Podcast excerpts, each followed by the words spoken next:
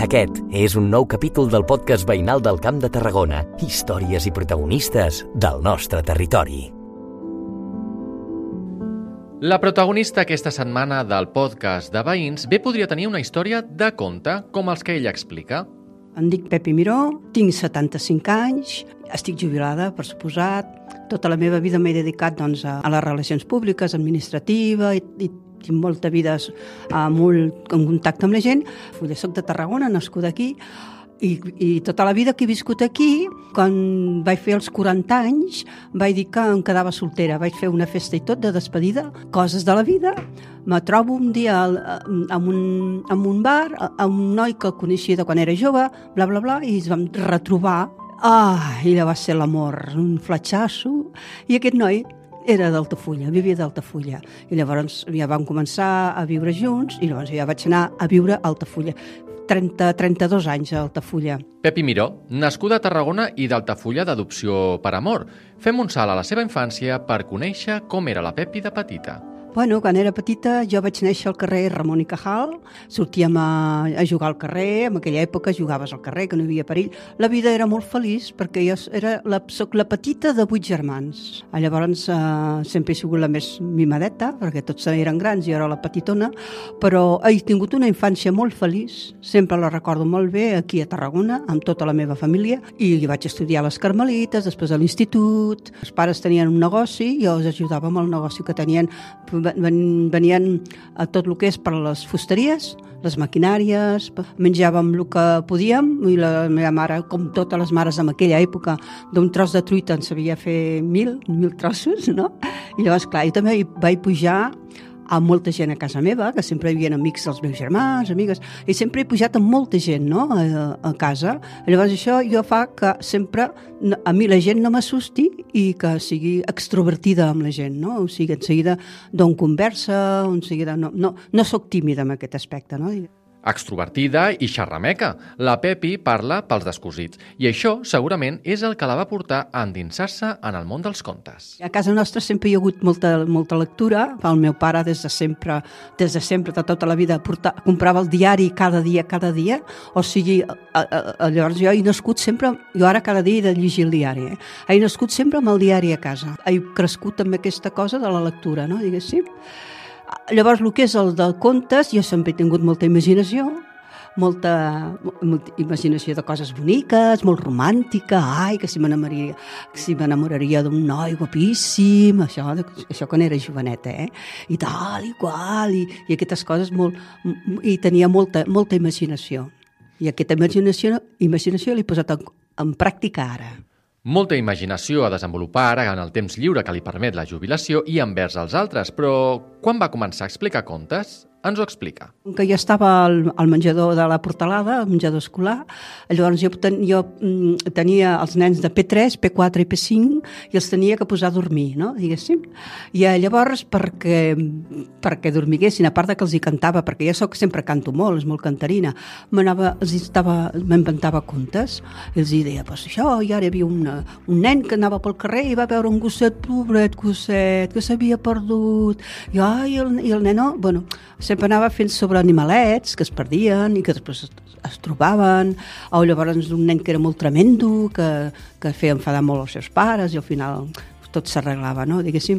I llavors, a poc a poc, pues, anava sobre la marxa, eh? i a vegades inclús depèn de la roba que hi havia per allí de, de llençols, agafava els nens i els disfressava, no? I els tapava amb un llençol, i els feia fer de rei o de reina, depèn, no?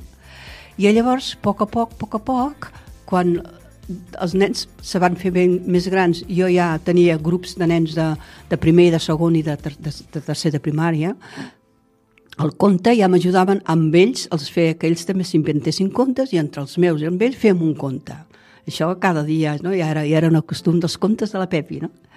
I aquesta inventiva de la Pepi la va portar fins i tot a crear el seu propi personatge. Escolteu de qui es tracta. El d'això em va sortir un nen que es diu Pepito, que és un nen d'Altafulla que li passen un munt de coses. Tremendo, tremendo, trapella, trapella, trapella perquè sempre fa coses tremendotes, però sempre acaba bé, no? diguéssim, el conte.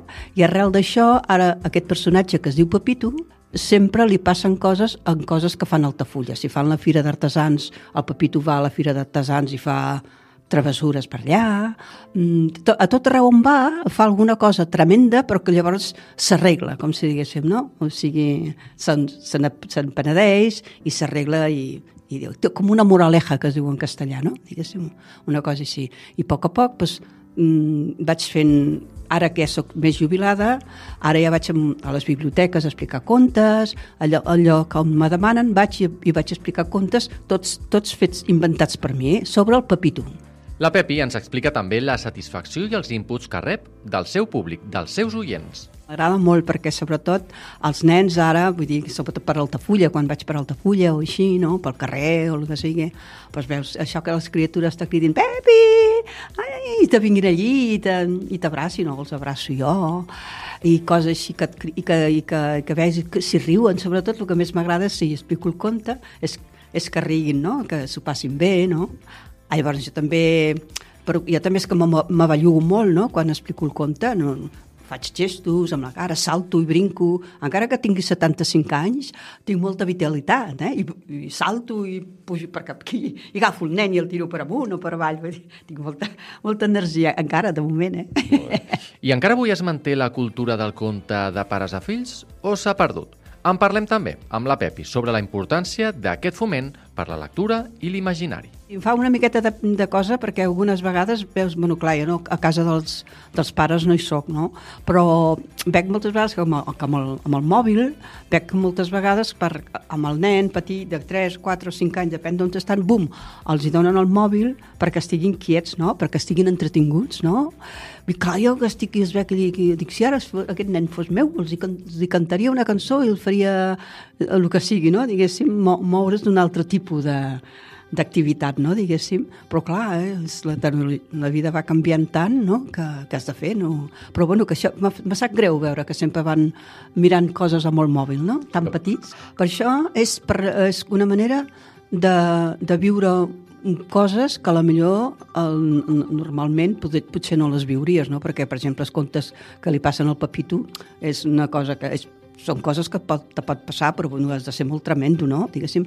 Però aquesta imaginació jo crec que t'ajuda a, a, pues, a, pues, a ser feliç, a anar a pensar que no tota la vida és de color de negre, vull dir, no és, hi ha coses de color de rosa, no? diguéssim, i si tens que llegeixes, sobretot al llegir, a part de, la, de tota la cultura que, que, que t'adon, tota aquesta cosa que tu llegeixes ja te queda dins per sempre per tota la vida tu ja tens aquesta formació, no? De, parlant de contes, eh? Vull dir, aquests contes que han de tota la vida, els clàssics, tothom se'ls sap. Per què? Perquè no? han anat passant de pares a fills, no? Diguéssim, de la, de la Blancaneus, no? el de la Caputxeta...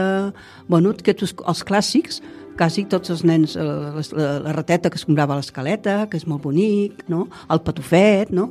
Deixa volar la imaginació i rebre ensenyances a través dels contes. Així ho valora la nostra protagonista. Amb tot plegat, la Pepi ajuda fins i tot a vincular la infància amb la cultura del propi poble, d'Altafulla he fet, ja m'han publicat l'Ajuntament, amb, amb la col·laboració de la biblioteca, i hem publicat dos llibres de contes del Pepito, eh? dos llibres, tot relacionat amb coses d'Altafulla. Altafulla sempre dic que és un poble, a part d'això, molt, molt, molt, molt actiu, molt cultural, que tenim, ja sabeu, que tenim coral, jo canto la coral, això també fa que, que, que és una de les coses que, que hi ha moltes coses per fer a Altafulla. Jo, com a voluntària, doncs, canto la coral, després hi ha el, el ball de bastons, els castellers, no? els, els diables, hi ha, hi, ha un, hi ha un munt de coses al Tafulla, no? Molta... Llavors, eh, el, el, el, aquest tema fa que jo introdueixi als nens, per exemple, al Pepito es posen totes aquestes eh, entitats, no? I sempre li passa alguna alguna amb, amb els castellers, que vol pujar i no pot, jo què sé. Eh, llavors, així també els nens ja van coneixent els, les activitats del poble. Pepi Miró, una cuentista, com diu ella, o una contacontes, tarragonina de naixement i altafullenca per amor, i també protagonista del nou episodi del podcast de Veïns.